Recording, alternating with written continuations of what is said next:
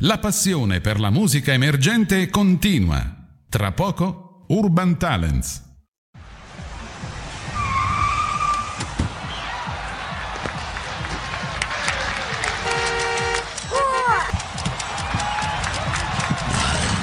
La musica emergente avanza.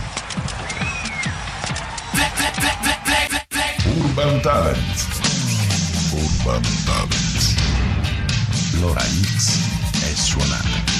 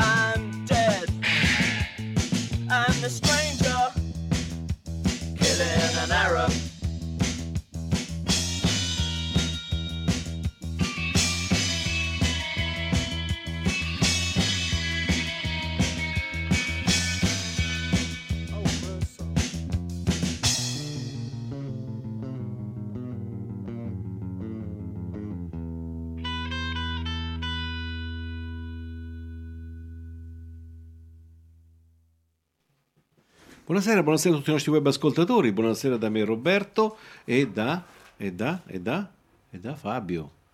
E da Fabio che ancora sta cercando Eccomi di, qua, eccomi qua. di Mi trovare- si sente? Sì, tutto a posto. Di trovare una quadra.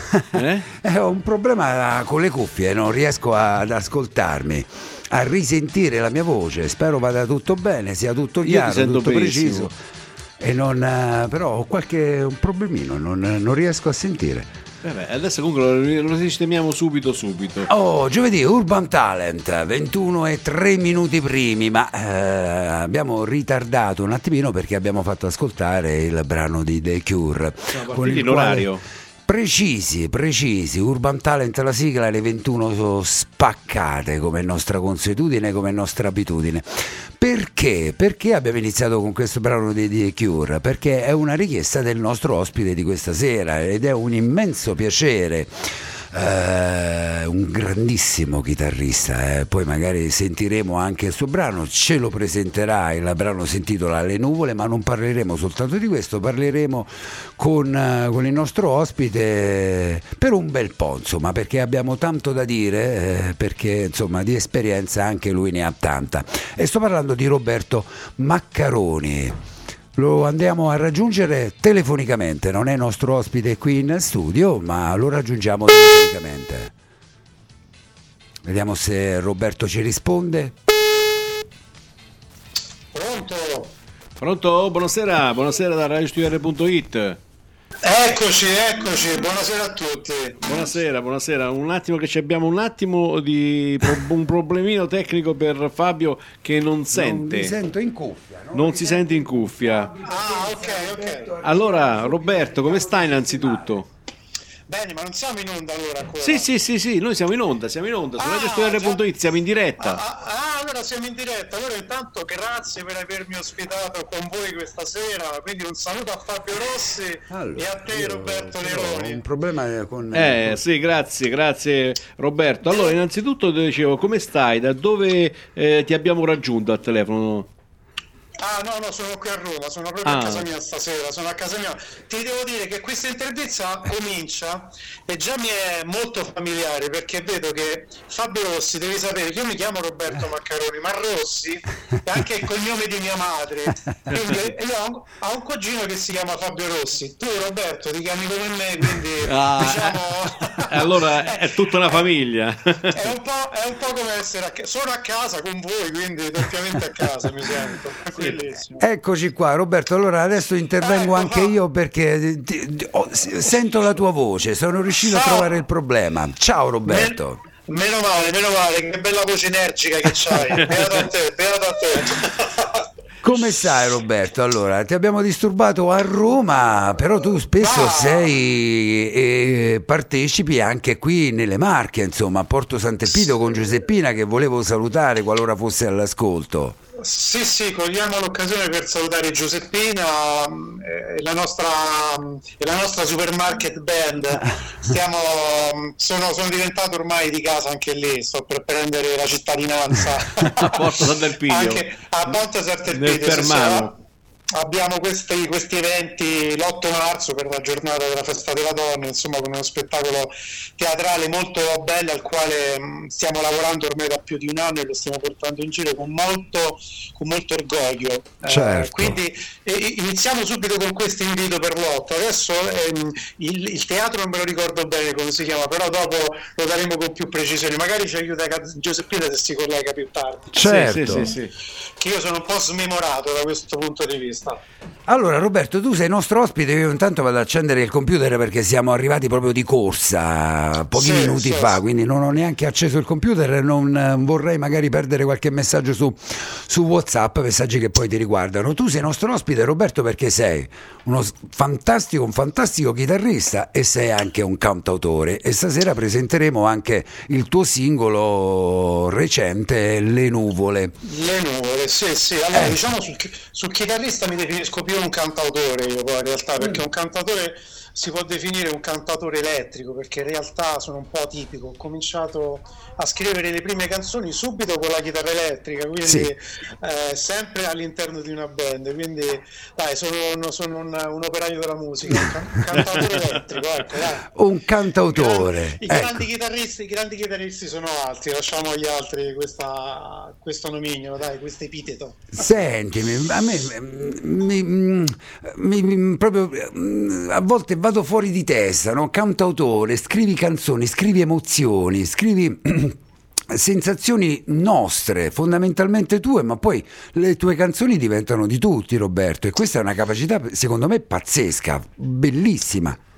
Beh, diciamo che è un po' la caratteristica del cantatore, spesso eh, quando si parla di, di cose autobiografiche, no? poi Sì. in realtà eh, vanno a rispecchiare un po' le storie anche delle altre persone, spesso so- si sovrappongono Esatto. molto bene, quindi viviamo tutti più o meno gli stessi si- sentimenti, viviamo tutti su questa terra, siamo tutti collegati, quindi in qualche modo quello che capita a una persona è facilmente riscontrabile che capiti poi anche ad altre persone. Certo. ecco. Poi, poi c'è la canzone dove riesci a essere più empatico con più persone, no? perché magari sei riuscito a toccare le corde di più persone perché magari hai usato eh, lo stesso linguaggio e quindi entri subito. A volte è un po' più difficile, insomma, eh, dipende anche un po' dalla scrittura, se sei più ermetico, se sei più diretto, ma poi da tante cose, ecco, poi è molto, tutto molto così istintivo e difficile da, da descrivere eh, tecnicamente, perché tu parlavi giustamente di emozioni Sì, e le emozioni appunto sono qualcosa che non hanno una forma, non hanno odore, non hanno colore, quindi sono astratte, no? quindi eh, noi cerchiamo sempre poi di cercare con delle parole di descriverle, ma poi è impossibile. Certo, certo, ma guarda, ehm, per me è un'ammirazione perché io mi ritrovo anche nel tuo brano, Le nuvole, eh, c'è una, una situazione in cui io magari mi sono immedesimato e magari non riuscivo a trovare le parole per descrivere tu me le hai offerte le parole in questo tuo, in questo tuo brano e questa è la potenza, la forza della musica, quando una canzone ti arriva. Mi fa, mi fa molto piacere quello che dici, anche perché su questo brano ci ho, ci ho lavorato davvero tanto, perché Sì, eh, per me era un nuovo inizio. Infatti l'uscita di questo brano coincide anche con il mio giorno di nascita, l'8 gennaio. sì, E volevo che per me fosse proprio una rinascita perché è il primo singolo del mio progetto solista perché in realtà io sono sempre stato il, can- il cantante diciamo di tutte le band che ho avuto finora no? E, e ho avuto sempre il punto delle band quindi riparto adesso dopo, dopo l'ultima esperienza con gli strani giorni che sono stata la band la mia Mhm. band storica la più importante sì, eh, con, la, con la quale ho realizzato tre album. Eh, dalle ceneri, ecco appunto, anzi dalle radici più che dalle ceneri degli strani giorni è nato questo, questo nuovo progetto. Io diciamo che nel 2016 eh, ho finito questa collaborazione con gli strani giorni perché sono entrato a far parte della band di Fabrizio Moro come Sì. chitarrista sì, e quindi eh, mi è successo, mi- c'è stato uno stravolgimento della mia vita, sono passato in, questa, in questo mondo per me totalmente nuovo eh, e, e sono stati anni meravigliosi, poi dopo c'è Mhm. stato il Covid di mezzo sì, e tutte queste disastro. emozioni, un disastro, quindi Ah. tutte queste emozioni che avevo accumulato durante questi anni, da quando ho iniziato a suonare con Fabrizio, nella mia band ormai non potevo più esprimermi perché si era un attimino congelata questa situazione. Sì, sono, sono, sono riemerse tutte quante adesso, tutte insieme, e quindi ho deciso di, eh, nonostante la mia veneranda età, di ripartire con, con un nuovo progetto. Sai come si dice lo slogan di Diamanti? Un diamante è per sempre. certo, no? certo. È un- per il cantatore è, è un po' la stessa cosa, quando scrivi canzoni non puoi fare a meno poi di, di farla questa cosa, e quindi Certo. poi viene fuori, adesso è uscita fuori, eh, è un nuovo inizio e sono molto contento di poterlo ecco, condividere con voi. Certo, questo mi fa piacere, poi magari lo ascolteremo. Senti, nel frattempo è arrivato il messaggio di Giuseppina che è all'ascolto Ok. e ci dice: Grande Robby, un abbraccio grande a tutti. Giuseppina, teatro Velluti di Corridonia. Quindi Perfetto. siamo arrivati insomma a conclusione di, del sapere quale teatro. Poi c'è un altro, un saluto ad un grande amico del parco, bellissimi ricordi. E non lo, e non lo dice il nome, nome, Trimpellate no? sotto casa e in garage. Francesco. Ah, Francesco Ferrazza credo che sia, grande Francesco, lo saluto, lo saluto, lui mi, mi- mi è sempre molto vicino, eh, mi ha sempre eh, supportato in questo mio progetto da quando sono piccolo e ti dirò di più, Sì. mi, vend- mi ha venduto anche una chitarra, eh, una, una- si può fare pubblicità, Come no? una, Gib- Certo. una Gibson Tarocca, un'imitazione di una Gibson Les Paul, me la vendette, eh, non so, avevo 16 anni, lui era un po' più grande di me e lo saluto con molto affetto, ecco, la chitarra anche mi ha aiutato molto in questo percorso, ci ho scritto un sacco di cose. Ecco. Roberto, abbiamo, abbiamo iniziato con i The Cure, no? che è una tua richiesta, Sì. ma perché questi The Cure ti hanno così folgorizza- fo- folgorato sulla via di Folgato. Damasco? Sulla via di Damasco, sì, perché prati- ti racconto brevemente Sì. come è partito un po' il mio percorso musicale. È partito tutto in realtà da, da una chitarra classica che si trovava a casa mia quando ero piccolo, Mm. che apparteneva a mia sorella Paola, che era più grande di me. Sì. E, a- e alle medie lei aveva fatto musica e come strumento aveva scelto la chitarra. Quindi quando io sono andato in prima media mi sono ritrovato questo strumento già Sì. e quindi ho detto vabbè comincio a suonare questa chitarra. Mm. E, mh, e mi ricordo che ero molto timido, cioè questa timidezza un po' mi è anche rimasta, Sì. però mi ricordo che all'epoca avevo il terrore di suonare questa chitarra, mentre a casa la suonavo tanto, mia sorella mi aveva insegnato un sacco di accordi, quindi ero anche già bravino, però mi, ter- mi terrorizzava il fatto di suonarla davanti ai miei compagni della classe, Mm. anche perché avevamo una professoressa di musica eccellente, super preparata, diplomata in vari strumenti, Sì. che alla fine dell'anno ci faceva fare sempre il saggio a fine anno, dove si facevano pezzi anche importanti, mi ricordo un anno anche We Are The Wall con la Oh, batteria, la oh, chitarra elettrica, insomma pezzi di- anche di, di grande livello. Certo. Mi ricordo che io mi vergognavo sempre di, di portare questa chitarra. Poi un giorno mia sorella mi fa mi fa scoprire questa band che sono i Cure, mi fa Sì. sentire questa cassetta e da lì rimango folgorato, come hai detto tu, comincio a sentire questa cassetta a ripetizione, comincio a prendere questa chitarraccia e a cercare a tutti i costi di ritrovare tutte le stesure armoniche, tutti gli accordi delle canzoni dei Cure.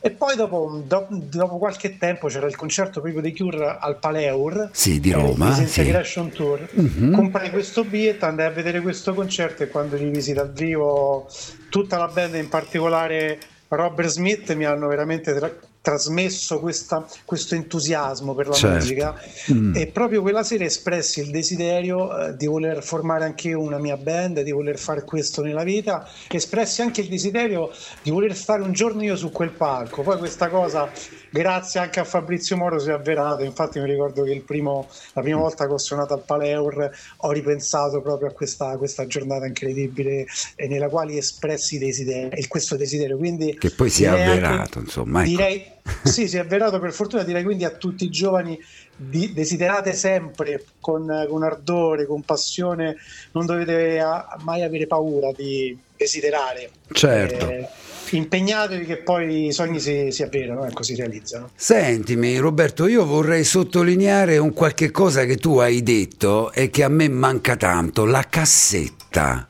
la musicassetta. La musicassetta. Ma quanto eh, era bello Roberto quel periodo Ma quando si 4. inseriva in, in- in macchina la musicassetta 45, Guarda, 60, 120 eccetera.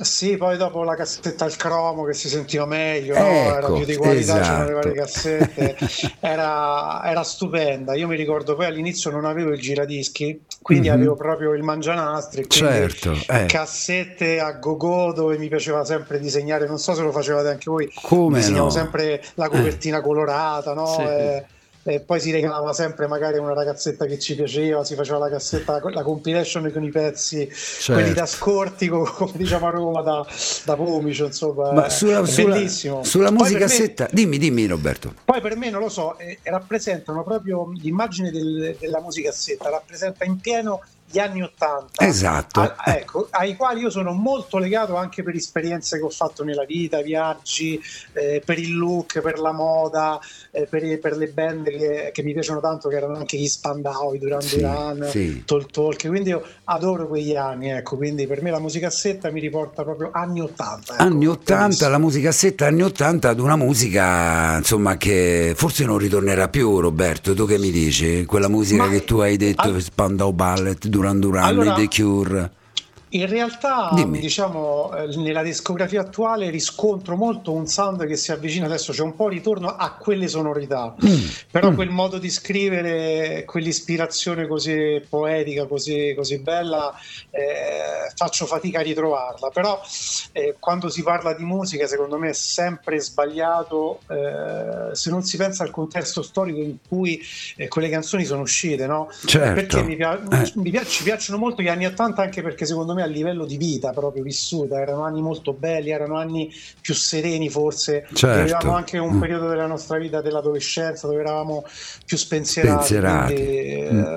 comunque ci sono stati veramente dei grandissimi musicisti negli anni 80, forse ecco la differenza tra quegli anni 80 e quello che si vuole ricreare oggi, eh, che lì sono nati da zero, quindi eh, erano delle sonorità completamente nuove, no? Sì. Quindi quando invece una cosa la- diciamo si recupera non è mai l'originale, quindi non ha mai quella, quella dirompenza della- dell'idea originale. E certo. poi credo che la differenza di allora a oggi, che manca molto secondo me anche nei giovani, anche se ci sono giovani bravissimi, che prima la gavetta si faceva al contrario, cioè le band prima di avere un- uno stile lavoravano Mhm. molto sulla loro capacità eh, di suonare intanto bene uno strumento, di imparare la tecnica, ma di capire chi erano e, e arrivavano i grandi dischi quando già avevano un sound e una personalità. Invece spesso riscontro che nella- Mm.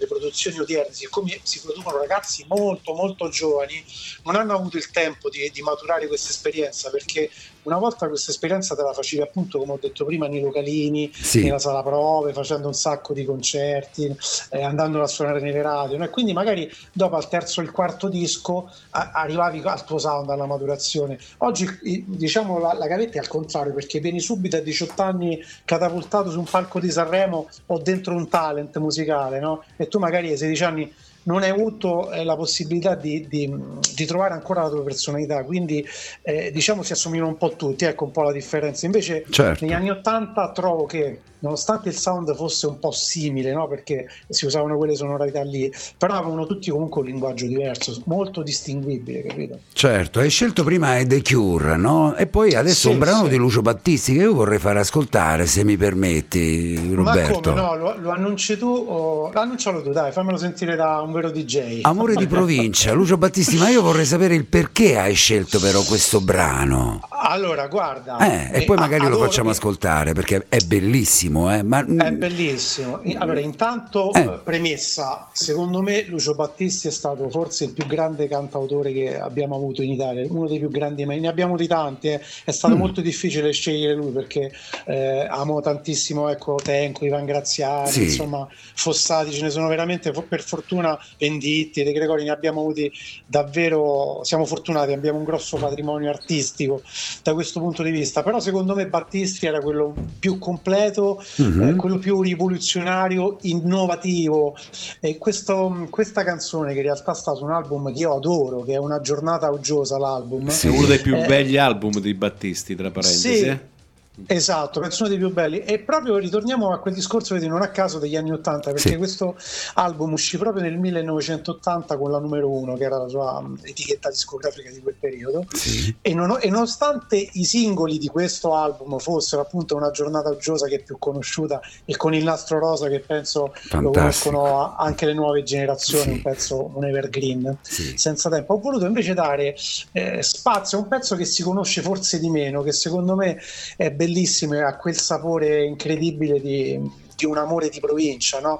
Eh, incarna le gioie e le sfide di una passione amorosa in un contesto di provincia e questa cosa mi, mi piace tantissimo perché eh, nel testo poi ci sono, mi ritorna il tema del coraggio, della libertà che sono, che sono de- delle cose che io adoro, insomma de- dei valori che per me sono molto, molto importanti nella vita. Certo. E poi c'è, poi c'ha quest'area così gioiosa, giocosa, eh, leggera. Mi piace molto con questo sound incredibile. Poi su quest'album ci ha suonato le chitarre Phil Palmer, che è stato uno dei- uno dei chitarristi che adoro, bravissimo. Insomma, quindi un Certo. pezzo incredibile. Volevo, ecco, che non fosse il solito brano che già conoscono tutti, ma volevo ecco, accendere un riflettore su un pezzo tra virgolette meno conosciuto. E questa è una splendida scelta, splendida decisione, perché sicuramente a volte magari i brani più belli dicono ma c'è questo bellissimo di Lucio Battisti, c'è quest'altro bellissimo, ma in realtà magari i brani ancora più belli sono quelli meno ascoltati, non trovi Roberto?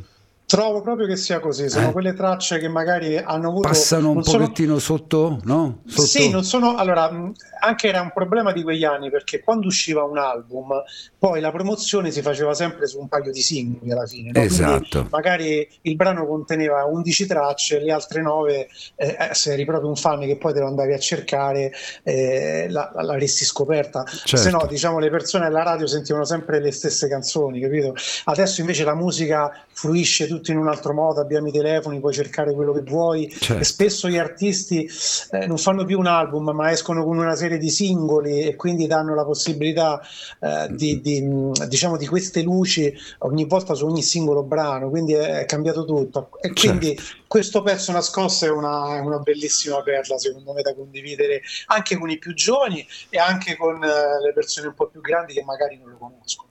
Certo, allora ce lo andiamo ad ascoltare, poi ritorniamo in diretta con Roberto Maccaroni qui a radiostudio.it. Lucio Battisti, Amori di provincia.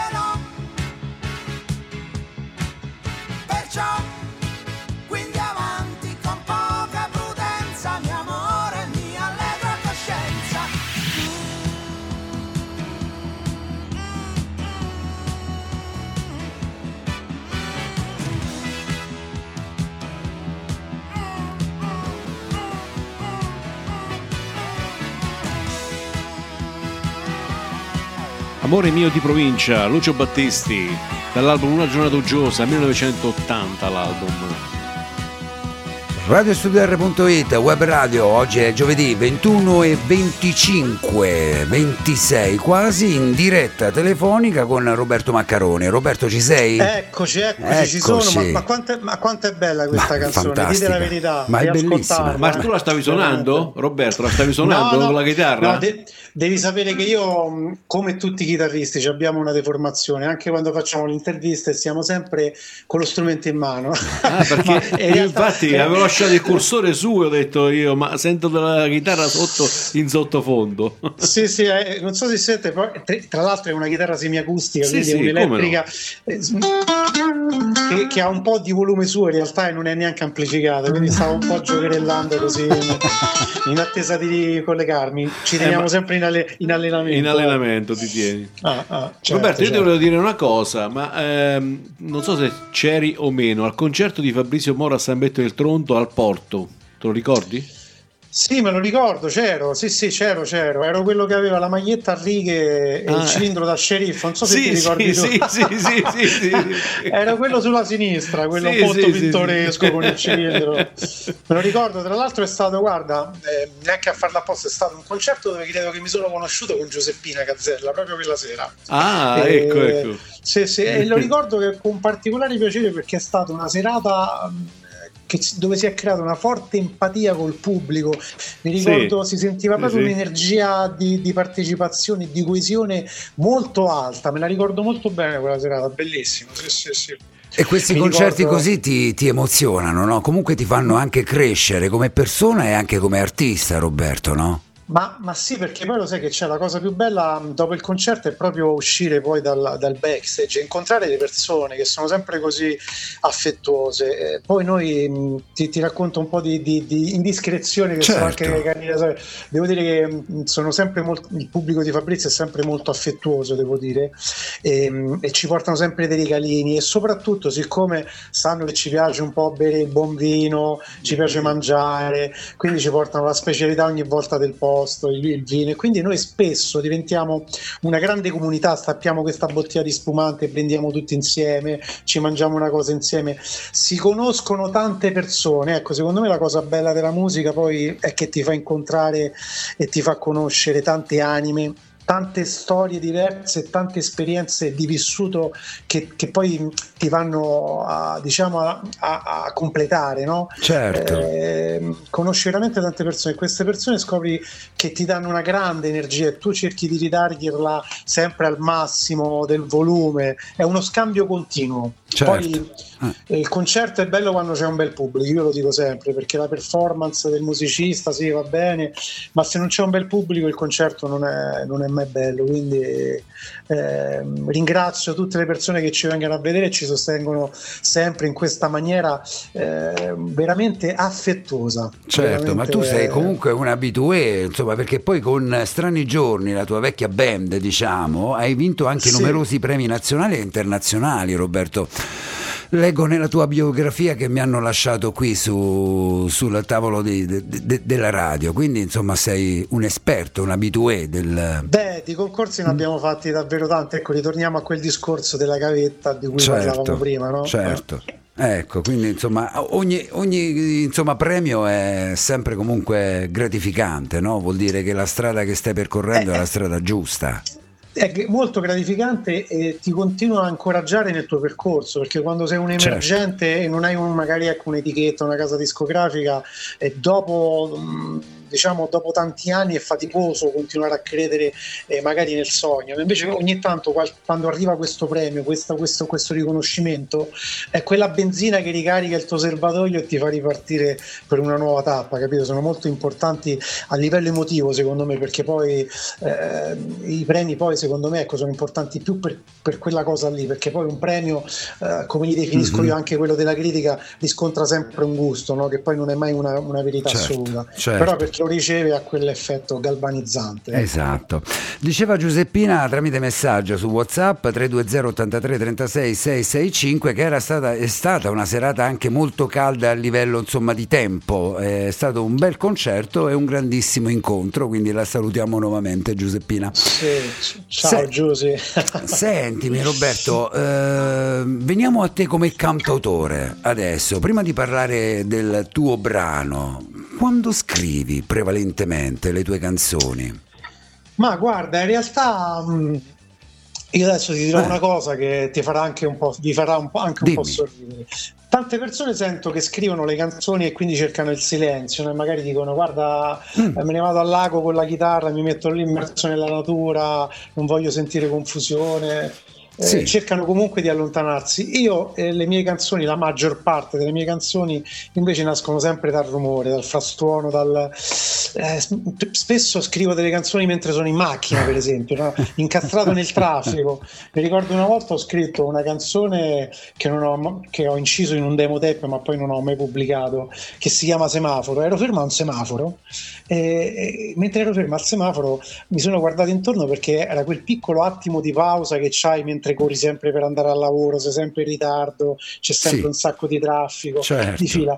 E mi- A mi Roma, figuriamoci, intorno. insomma. A Roma sì, poi la, la situazione è diventata Hai tempo di scrivere un album Roberto a Roma con il traffico, no? Bravissimo, bravissimo, perché eh, eh, magari è capace che con incrocio ci stai 20 minuti, con Esatto. 20 minuti a voglia trovi tutto quel tempo che non trovi poi a casa. no? Certo. E quindi mi ricordo, guardavo la persona che anche se si ferma per tre minuti al semaforo legge il giornale, quello legge il telefono, quell'altra, una ragazza magari sta lì e si trucca, e un'altra persona ecco, sta cambiando la cassetta quando c'era la cassetta o il CD, sta cercando la musica, oppure ti accorgi, Sì. perché in quella strada ci passi sempre di corsa e non ci fai caso, alzi lo sguardo e guardi l'architettura magari di un palazzo e ti accorgi eh, dello stile di quel palazzo che magari era un'architettura liberty. Ma dice, ma bella. ieri non c'era quel Eh, palazzo, come eh, mai ma oggi che- c'è? Ma dice, ma guarda che dettagli che non, che non avevo mai notato, no? La- diciamo i colori di questo palazzo e come erano fatti i balconi. Quindi eh, io scrivo sempre quando sono in realtà in mezzo alle persone. E a volte mi estraneo perché le persone magari mi, mi vedono, mi fanno delle domande, dico, oh vabbè, tutto a posto, ci sei? Perché io non sto seguendo più quel discorso, ma eh, una parola che magari hanno detto per me diventa il titolo di una canzone e dentro la mia testa sto cercando le parole o la melodia e non la voglio dimenticare e me la ripeto come un pazzo, la gente è- è- ha questo potere, mi rapisce, anche se sono nelle situazioni eh, più disparate, non lo so, Certo. riesce sempre a trascinarmi con sé, però diciamo che non c'è mai diciamo, un modus operandi, come si dice, Sì. ogni, volta, ogni volta è diverso, capito? Certo. A volte arriva anche nel silenzio, può arrivare ehm, comunque un segnale, ho un segnale inequivocabile di quando sta per nascere la canzo- una canzone, sento sempre eh, una, una una sorta di nostalgia. Qualche momento prima, un giorno prima, mezza giornata prima, sento come questo sentimento che poi mi spinge comunque magari a prendere lo strumento e mi esce qualcosa. Parto comunque sempre da un'emozione, ecco, parto se c'è eh, mh, diciamo una cosa, una scintilla è sempre quella dell'emozione, che, che vale un po' sempre in tutte le canzoni che scrivo. Certo, ma solitamente poi io ritengo che voi cantautori siete a, a volte anche delle spugne, assorbite a volte involontariamente, a volte volontariamente anche le emozioni degli Altrui, altri, no? altrui. Ah, pa- ba- ma Eh? fondamentale, direi fondamentale perché, come ti dicevo prima, alcune canzoni a volte sono autobiografiche e riguardano il tuo vissuto, ma proprio perché tu hai questo confronto continuo con le persone, no? Ti Sì. scambi, magari ti scambi consigli, segreti, parli della tua vita e una persona ti parla e entra anche in intimità Certo. con te, ti racconta delle cose particolari. Queste cose il cervello poi in qualche modo le memorizza. Certo. E la canzone a volte non è altro che rielaborare una discussione di una sera con un amico, uno scontro verbale, eh, anche di disapprovazione no? su, qualche co- su un fatto politico. È comunque una, che ti stimola una riflessione, un pensiero. A- Apposta per me è fondamentale invece non estraniarmi, perché io nel, nel silenzio non lo trovo questo stimolo, lo trovo nel caos, quando sono con le persone, capito? Per me è Certo. tutto il contrario. Certo, questa è una sorta di schiavitù piacevole, no? Perché comunque assorbite situazioni personali e non, eh, e poi sì, magari vi... cerchi co- come Eh. una spugna di assorbire tutte queste Certo. una- con, de- con- con delle antenne sempre pronte a, a recepire questi messaggi. Poi il silenzio arriva in una seconda fase quando tu, una volta che hai scritto il brano, Mhm. allora poi magari devi trovare il modo di arrangiarlo, no? gli devi cucire il vestito giusto. Allora lì, secondo me, poi arriva la fase del silenzio, della concentrazione capire. Eh, con questa parola, con questo tono di voce, che vestito metterei stasera? No? Certo, è più adatto un, certo. vestito, un vestito sportivo, un vestito elegante, e quella è la fase della riflessione dove c'è più bisogno di, di calma e di silenzio. Sicuramente sì, c'è un figlio prediletto fra i tuoi brani, quelli che hai scritto per te o anche per Fabrizio Moro, che magari hai ancora nel cassetto, c'è quello che quando magari lo canti ti emozioni Roberto? Allora, c'è, c'è un brano che, Eh. che fa parte poi in realtà della, della mia precedente band, degli Strani Giorni. Sì. Allora, innanzitutto, eh, eh, sai, ti dirò forse una cosa che già avete sentito già milioni di volte dai cantatori, no?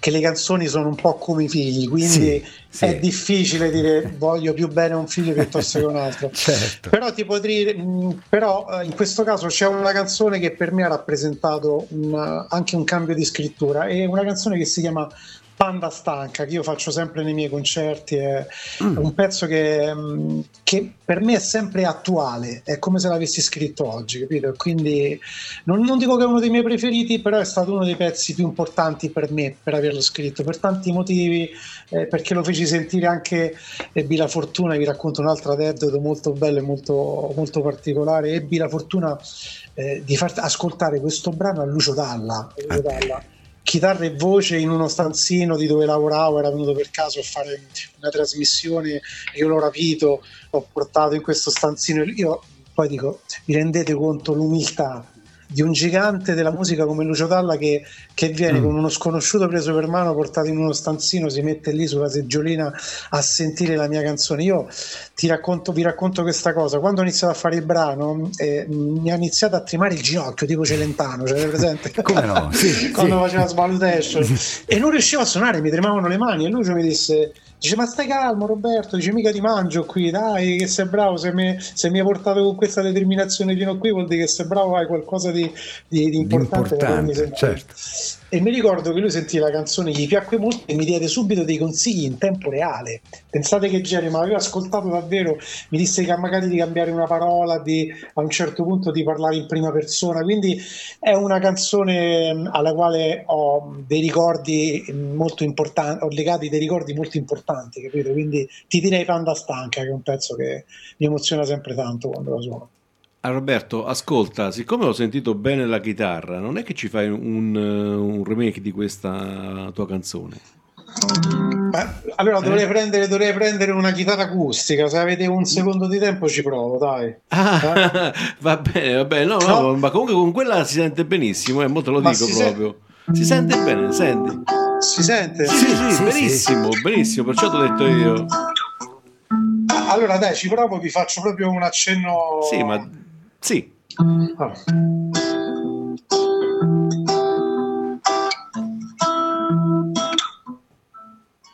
Te ne sei andata via, stavolta veramente.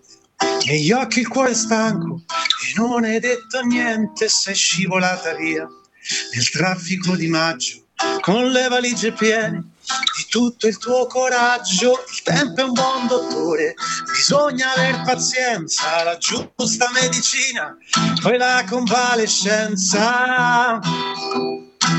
Ma non esiste cura per questa mia paura, a questa mia sventura. Mi fermo qua, dai. Bravo, bravo, bravo, veramente eccezionale. la- guarda, bra- cioè, vedi che Perché ti sei fermato Roberto? Io, io me la stavo ascoltando, No, ma la no, E stavo- adesso spegni il sole, che non è tempo di ridere e scherzare, o almeno staccami il cuore, che sono stanco di piangere e di respirare. Che Eh, meraviglia. Roberto, che meraviglia. eh, bello. Poi, voce, poi magari chitarra... se, mh, Dimmi, quando, dimmi. Verrò giù, quando verrò giù, magari dalle vostre parti per fare qualche spettacolo, sarebbe bello venirvi in a radio, trovare e, vieni e in magari farlo proprio direttamente. Farlo proprio lì, visto che avrò al mio seguito la mia amata chitarra, quella vera, Eh. eh, quella buona, che si sente, e, e- e quella soprattutto accordata, perché qui sentivo che era tutta scordata. Ma è Eh, bellissimo Roberto, ci farebbe immensamente piacere, ci aspe- ti aspettiamo insomma e facciamo il eh, nodo al fazzoletto come si dice, quindi teniamoci in contatto, Grazie. mi farebbe piacere. Grazie. Guarda, io dico che la potenza della musica sono, è l'emozione e anche poche note, così cantate, magari da casa, al telefono, quando si drizzano i peli sulle braccia, vuol dire che quell'emozione è Grazie, arrivata. grazie, grazie, Veramente, grazie a voi, veramente. grazie, grazie. Porcaccia miseria, Roberto. Tra l'altro, che emozione. Tra l'altro, allora, allora, tra l'altro Eh. voglio spendere due parole, no? visto Sì. che siete davvero molto, secondo me, molto gentili, molto disponibili, no? Eh, e, e non ci siamo messi limiti di tempo. Quindi No, questa chiacchierata che è molto piacevole, eh, voglio spendere due parole importanti per gli strumenti musicali. Questa chitarra che era tutta scordata, che avete sentito malandatissima, in realtà è una chitarra, è un eco degli anni 70 Bella. eh, la, famosa, la famosa Eco è una chitarra che ho comprato usata da due ragazzi che secondo me l'avevano trovata in qualche mercatino abbandonata. E l'ho rimessa a posto però sono quegli strumenti che secondo me hanno una grande anima è l'unica chitarra che ho sul poggio chitarra qui a casa, nel Sì. senso ho tutte le chitarre che costano un sacco di soldi, quelle Mhm. belle, quelle vere, no? che da chitarrista che fa il professionista in questo lavoro hai delle chitarre insomma affidabili, personali dal vivo, ma io quando sono a casa suono sempre questa chitarra perché c'ha una magia, c'ha questo suono, immagino questa chitarra degli anni di, di metà anni 60, chissà quanta gente ci ha messo sopra le mani, quante esperienze di vita vissuta, quante ne avrà viste, quante ne avrà sentite, tutte le cicatrici, Ma anche la eh, cassa armonica. La cassa armonica Eh. che nel frattempo si è stagionata, no? ma poi Eh. tutta la vernice che è saltata è come se fossero un po' le nostre rughe. No? Allora e, e c'ha, questo, c'ha questo vissuto, quindi mi piace sempre prendere questa chitarra, e anche se ho chitarre che suonano tra virgolette meglio, poi io so, anche quando scrivo spesso a casa ho sempre questa chitarra, sono innamorato. Certo.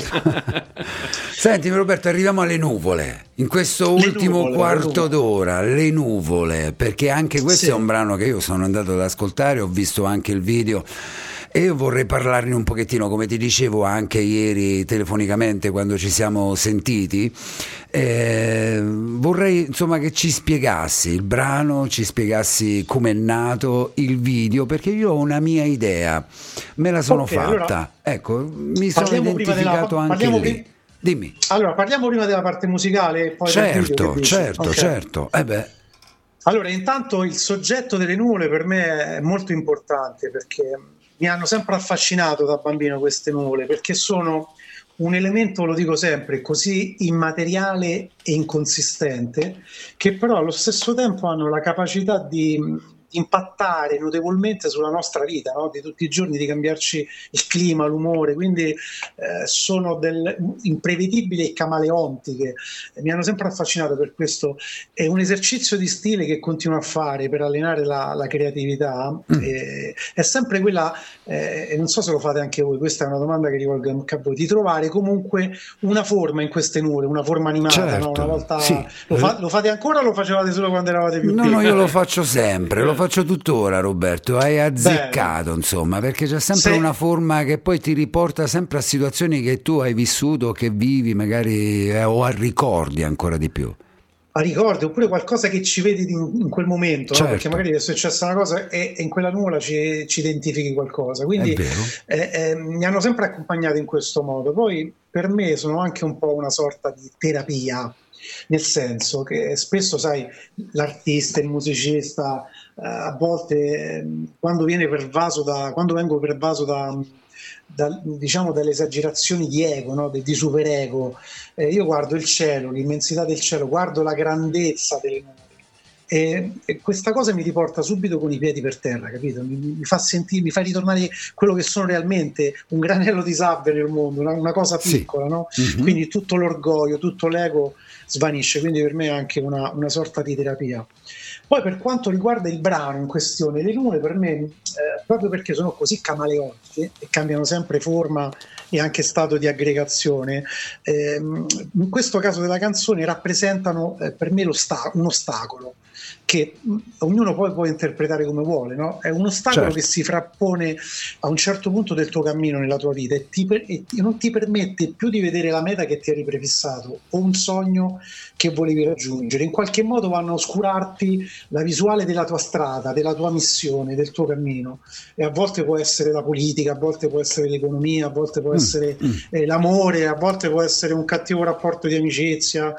Ehm, però eh, a volte, e questo ho cercato con il regista di evidenziarlo molto bene nel video, Nel video, a sì. volte eh, se la- ci avete fatto caso a un certo punto c'è una scena dove io faccio contemporaneamente il burattino e il burattinaio Mhm, no? sì. le due figure coincidono proprio per dire che a volte il vero ostacolo eh, sulla nostra strada eh, siamo noi stessi e Mm. invece noi spesso cerchiamo di, di dare la responsabilità, come ti ho detto prima, sempre a cause esterne, come Certo. appunto eh, sono sfortunato, l'economia, la politica non mi, non mi aiuta, no? nessuno... E in realtà invece bisognerebbe a volte essere più umili perché eh, farci un po' di autoanalisi, un, eh, un po' di, eh, di- Dovremmo avere il coraggio di guardarci dentro, no? di farci delle domande e spesso trovare delle risposte che spesso magari non sono tanto piacevoli, però questa cosa in qualche modo ci fa crescere, ci fa spesso oltrepassare questi ostacoli che sono soltanto del- delle nostre zavorre mentali. Non c'entra, quello che, che sta intorno non c'entra niente, è soltanto una proiezione del nostro cervello. Quindi è uno stimolo anche nel video, era appunto anche quello di cercare la risoluzione dei problemi in se stessi, capito? Esatto, eh, non essere sempre comunque vittimistici, no? Nel senso, poi magari nel testo dice arrendersi, nascondersi, disperdersi, mai. E Mai, questo è praticamente... Eh, dimmi. Perché, perché poi parlo anche di altre cose, perché spesso la libertà, eh, eh, noi viviamo in un paese, eh, lo dico tra virgolette, ma non sono tanto ironico, eh, democratico eh, dove, dove siamo abbastanza liberi rispetto ad altri paesi no? e siamo anche abbastanza fortunati. Però eh, la libertà eh, credo che non sia un diritto permanente, che una volta acquisito, acquisito rimane lì per sempre. No? Sì. La la libertà va riconquistata giorno per giorno, non bisogna mai abbassare la guardia perché è un attimo che tutta la fatica che hai fatto per conquistare un diritto Sì. in uno schiocco Ci di si dita perde. eh, ci- non ce l'abbiamo più. Quindi è, è anche un invito eh, a- alle persone di restare unite perché l'unico modo per, poi per essere più forti no? è, è l'unione. La comunicazione, Certo. quindi dobbiamo cercare di non allentare le maglie della comunicazione che nonostante stiamo vivendo in un momento storico di alta connessione, no? perché con internet siamo tutti interconnessi dalla mattina alla sera, in realtà è secondo me una connessione un po', un po' scadente, diciamola così, ad una tacca e mezza e dobbiamo riappropriarci della vera connessione che è il parlare, lo stare Mm. insieme fisicamente Certo. e, e- e combattere tutti uniti per i valori di tutti, riportare l'uomo un po' al centro, centro dell'universo, no? E invece adesso l'uomo è soltanto un contorno dell'economia, quindi mai arrendersi, mai disperdersi e soprattutto bisogna restare uniti perché Cioè- l'unione fa la forza, capito? E qui cercano di dividerci a tutti i costi, cercano di trasmetterci il messaggio che la nostra indipendenza sia, dice Mm. no, ma voi siete oggi in grado di ti parlo adesso nel mio caso con la musica. Sì. Oggi sei libero di poterti fare un video da solo perché con il telefonino ti puoi fare un videoclip, ti puoi registrare il disco da solo a casa perché con la scheda audio, con il computer. Eh, eh, In realtà puoi fare tutto da solo, no? Sì. Però tutta questa che potrebbe sembrare una bellissima indipendenza, secondo me, non fa Mhm. altro che allontanarci dagli altri. Certo. Ma le, Sì. ma le cose migliori invece nascono con il confronto degli altri, capito? Quindi non dobbiamo, far- non dobbiamo cadere in questo tranello. Va bene usare la tecnologia perché è una grande cosa, ma sempre al nostro servizio, mai il contrario. Ecco, questo secondo me è molto. C'era un brano degli Intillimani, El Plebio Unido Massara Vencido, te lo ricordi? Eh? non me lo Eh. ricordo, sai? Allora, allora me lo vado, vado ad ascoltare. Un brano degli Intillimani era eh, Questo El è un- Eh sì. e Massara Vencido. È un Il popolo bellissimo- unito mai sarà vinto. È, ma è un bellissimo discorso questo che hai fatto Roberto, io l'ho ascoltato, l'ho ascoltato con attenzione e ha contribuito a questo anche il Covid purtroppo, no? che comunque ci Ha ha allontanati in una maniera abissale. Guarda, però adesso ti dirò, ti dirò l'altro, il rovescio della- di questa medaglia. no? Sì. Da una parte ci ha allontanato, questo è vero, Mm. però ti racconto un aneddoto che è successo proprio qui nel mio quartiere. Io abito in questa casa eh, da ormai più di 20 22 anni, credo. Eh, feci un mutuo 22 anni fa, a 30 anni, mi sono rimasti ancora 8 anni. Vabbè, non parliamo dell'economia, vedi, è uno di quegli ostacoli. Siccome anche il mutuo col tasso variabile, insomma, un bel casino perché la rata si è duplicata. vabbè. Però in, in realtà io sono stato in questo palazzo Sì. e, e non conoscevo nessuno, cioè conoscevo soltanto diciamo, le- le- lo storico ehm, Piero che abita al primo piano perché quando ho comprato casa ci siamo incontrati nell'androne, lui è quello che abita al primo piano, è quello che è un po' il portiere del, del Mhm. condominio. Però in realtà io non, non conoscevo nessuno, i vicini di casa e soprattutto le persone di fronte a me, nel palazzo di fronte poi in realtà. Quando mi affacciavo, non, eh, ci guardavamo in cagnesco, non ci salutavamo mai, eh, eravamo completamente degli sconosciuti, nonostante per vent'anni andavamo a stendere magari i panni sul balcone, ci guardavamo, ma niente di tutto ciò. In realtà, quando è arrivato il Covid e siamo rimasti eh, Isolati, confinati, soli. Confinati, mi piace questo termine, confinati qui in casa. In realtà poi eh, questa rete per assurdo è diventata invece, si è sviluppata perché con il discorso di, e vi racconto pure questa che questa è veramente... Per necessità però è Eh, successo, per necessità. Perché eh, per necessità, Eh. no? perché eh, a un certo punto quando siamo usciti sul balcone a fare quelle cose, ah, la domenica c'è il pezzo di Rino Gaetano, no? tutti insieme alle 5 usciamo e cantiamo. Siamo usciti e abbiamo fatto queste cose e cantando eh, uno di fronte all'altro del balcone. Ci siamo guardati per la prima volta negli occhi bene per più di un minuto, eh, cantando, sorridendo e ci siamo conosciuti. Da lì ci siamo cominciati a scambiare i numeri di telefono. Però vi ra- voglio raccontare questo aneddoto che non posso non raccontarvi. Però mi dovete ah, concedere ancora qualche minuto. Ma, può- ma te li concediamo ben volentieri. eh, allora, che questa è una cosa troppo figa. Eh, allora, siccome dovete sapere che io da buon chitarrista, quando faccio le prove per i tour, eh, eh, ormai ho le orecchie, eh, eh, diciamo, distrutte, no? Non- a forza Mhm. di suonare a volumi alti, eh, devo sempre alzare per sentire bene, no? perché ormai mi sono giocato un po' di, di decibel.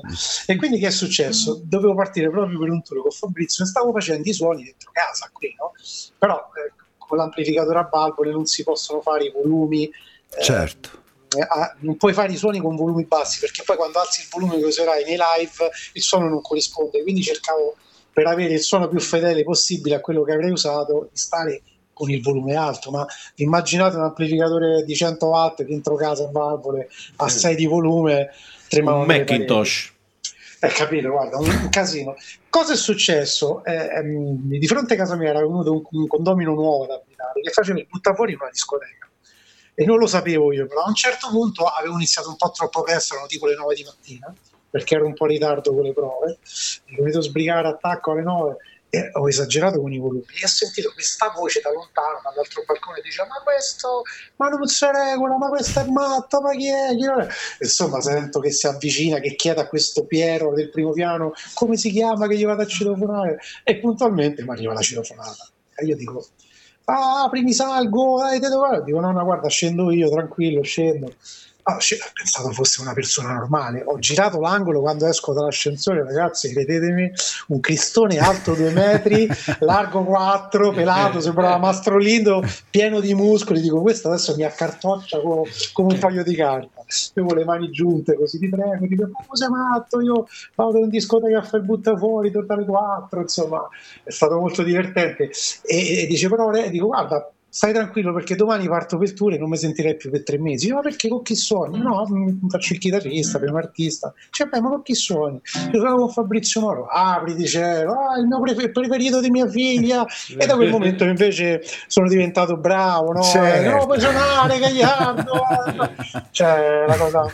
Però da lì ci siamo scambiati i numeri e, e adesso è molto bello perché ci aiutiamo. A qualche volta mi è capitato di andare a fare la spesa a qualche signora che stava male o viceversa, ci siamo andati a comprare delle cose, ci siamo scambiati dei favori e questa cosa è stata molto bella che in un momento di difficoltà in realtà ci ha aiutato anche a conoscerci di più. Quindi c'è sempre poi il rovescio lato della medaglia.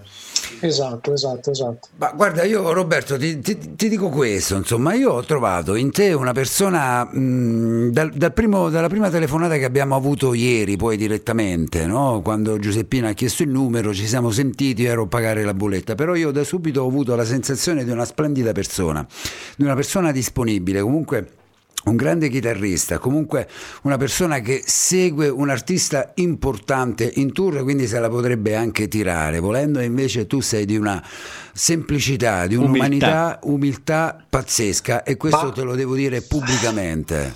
Sei una Ti- persona ti- meravigliosa. Ti ringrazio, ti ringrazio. Ho Figurati. avuto anche la fortuna di, di conoscere e di collaborare con persone che mi hanno sempre trasmesso questi valori. E Certo. quella famosa gavetta spesso forse serve Serve. proprio anche a questo, no? Per- Mhm. per, farti capire in contesti reali e non farti mai dimenticare da dove arrivi, capito? Certo, Eh, quelli certo. che con- stare sempre con i piedi per terra. Ecco, poi quando vi ho raccontato l'anello- l'aneddoto di Lucio Dalla, eh, eh, quando incontri un maestro e vedi nella sua grandezza tutta questa umiltà, Certo. è soltanto non puoi fare eh, che, che cercare di imitarlo se possibile, perché sono dei valori importantissimi che mi hanno sempre trasmesso, ma anche i miei collaboratori. Ecco, eh, colgo anche l'occasione per salutare Fabio Massaccesi e Patrizio D'Andrea che mi hanno aiutato nella realizzazione e nella composizione di questo brano. Massimo Di Muro, un bravissimo cantante, corista di Giorgia. Cito lui per tutti i ragazzi che hanno messo la loro voce nel coro, lui su tutti, che li ha diretti, insomma, quindi tante persone mi- che ho incontrato nella mia vita Mhm. eh, sono sempre state molto disponibili con me e sempre molto umili e que- mi hanno sempre trasmesso questo valore che io ho sempre rimbalzato ehm, quindi a mia volta con le persone che ho incontrato eh, diciamo è diventata la mia, la mia cifra stilistica Beh, ecco. non è scontato comunque, fa- eh, Roberto, questa situazione qui, eh? non è scontato assolutamente, magari poi... Non è, Mm. non- non è scontato, poi forse secondo me ci nasce anche un po' nel DNA, ce l'hai Sì, questa cosa, no? sì, esatto. Sì, sì, Eh. Anche se, anche se la vita cerca a volte di indurirti, no? Eh, Certo. con, con le esperienze negative, però se poi tu ci nasci in, in quel modo ti puoi smussare un po', ma se fa parte la spontaneità il, e- e la- il fatto di fidarsi comunque di tutti, a prescindere, è una cosa bella secondo me, eh, che non dobbiamo perdere, anche se il mondo oggi, eh, come giri l'angolo, è pieno di fregature, però mh,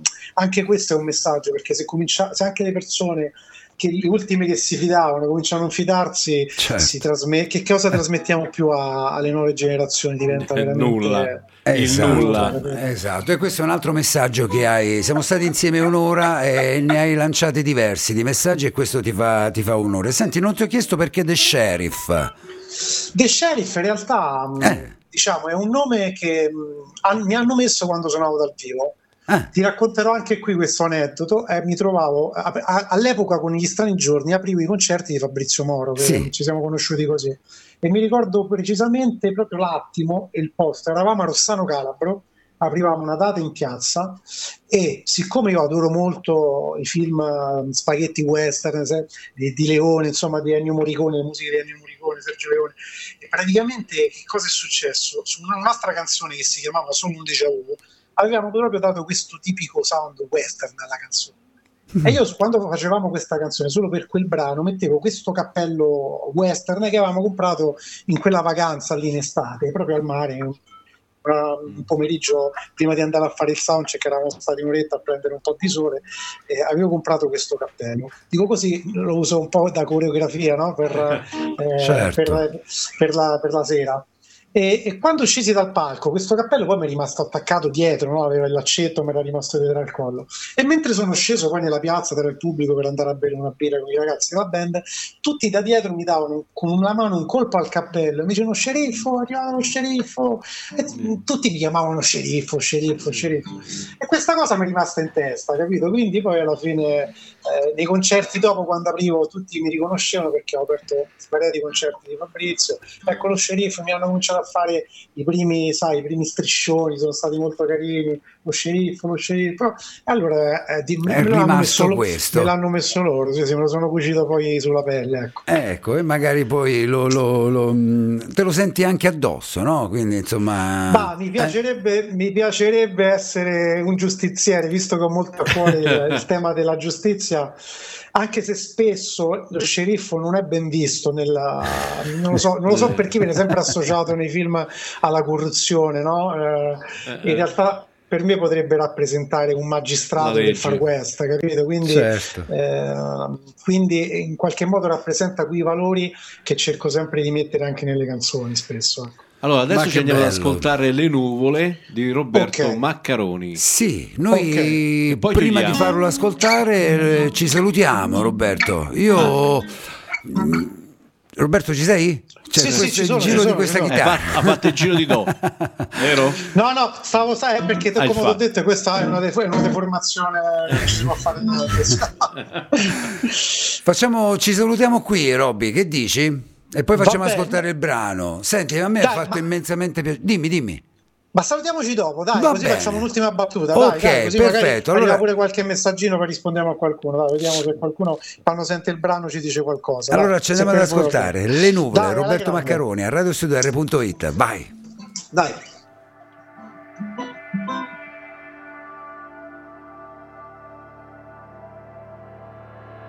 Mai, mai, mai arrendersi. Da che parte stai? Da quale parte stai? Mai, mai, mai perdersi. Sono a un passo da qui.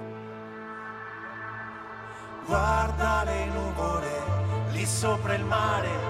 Stanno arrivando per non farci addormentare. Senti le nuvole, quanto rumore.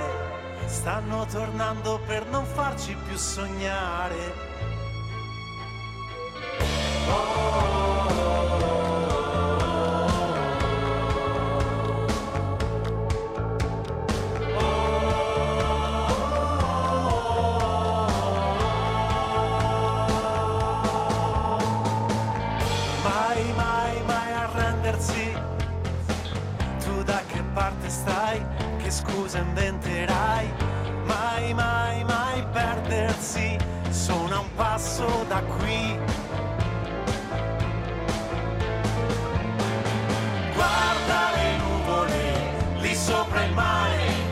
Stanno arrivando per non farci più sognare. Senti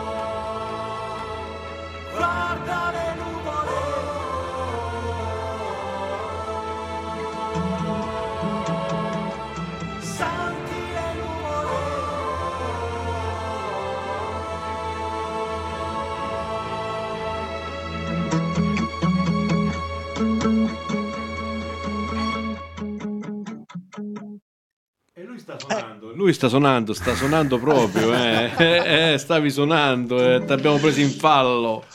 Applausi, Vi è piaciuto questo brano? Applausi, bellissimo, bellissimo proprio. Guarda, ehm, ci terrei a dire due parole sulla produzione musicale di questo brano, eh, che contrariamente a come si usa di fare oggi, eh, abbiamo lavorato molto sulla sonorità. Ehm, ci siamo chiesti sound. Sì, abbiamo lavorato proprio su quello perché con eh, i ragazzi del mio staff ci siamo detti, ma se questa canzone non avesse il testo, no? riusciremo solo con la musica ad evocare questa grande fotografia, questa grande immagine del cielo, delle nuvole, eh, dei lampi, dei tuoni, di, questi- di questi suoni così, così violenti a un certo punto.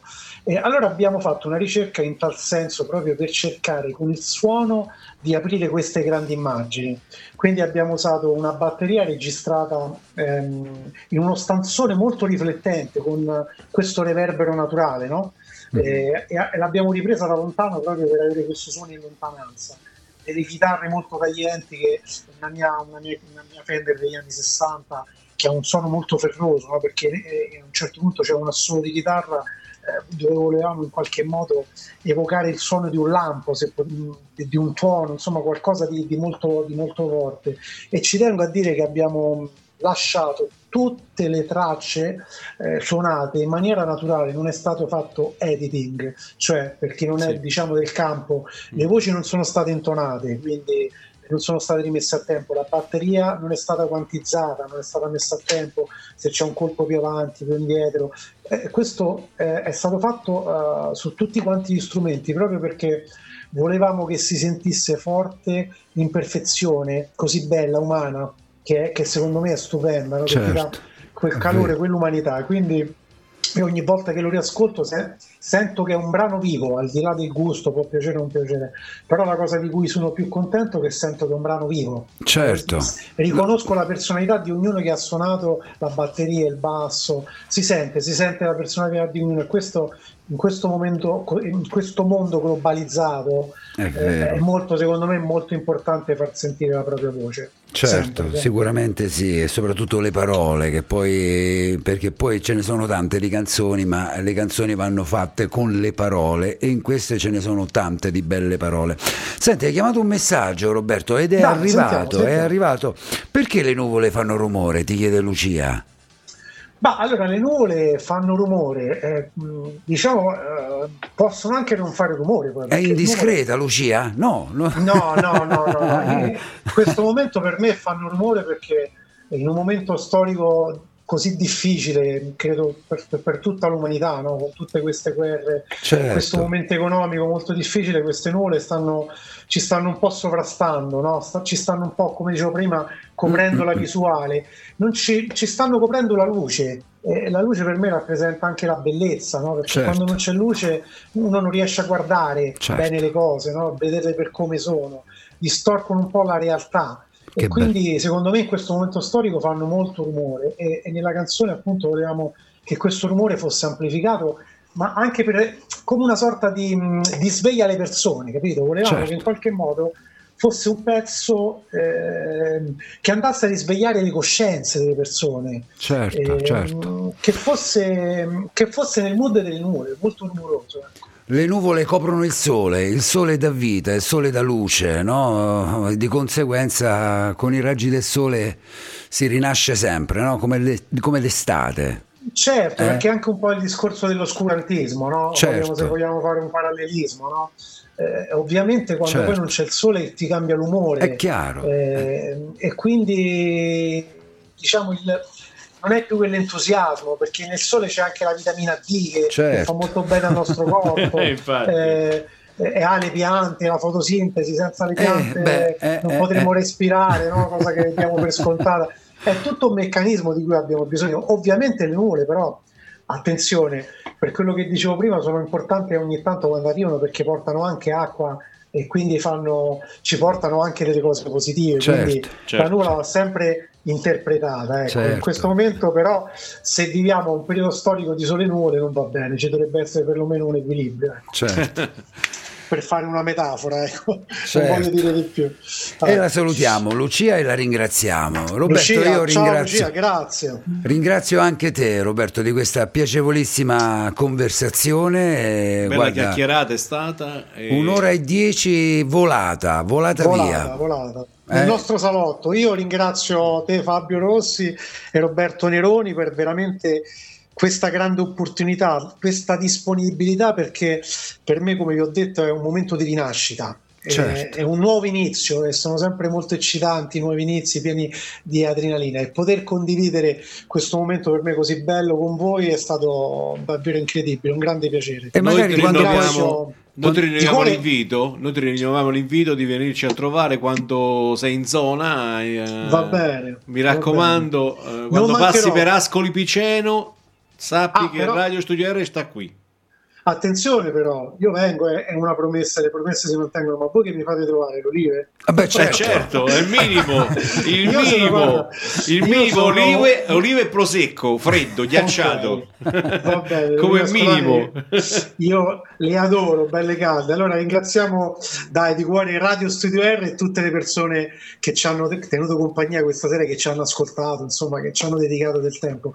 Grazie a tutti. Grazie di Ciao, Roberto, ciao, grazie. Roberto. Ciao. a presto. E a te. Ciao, ciao, Ciao ciao. a te, Roberto, a Allora, presto. salutiamo Roberto. Roberto Maccaroni, a Maccaroni. radiostudio.it, mi raccomando, Le Nuvole, avete sentito che brano, insomma, fantastico.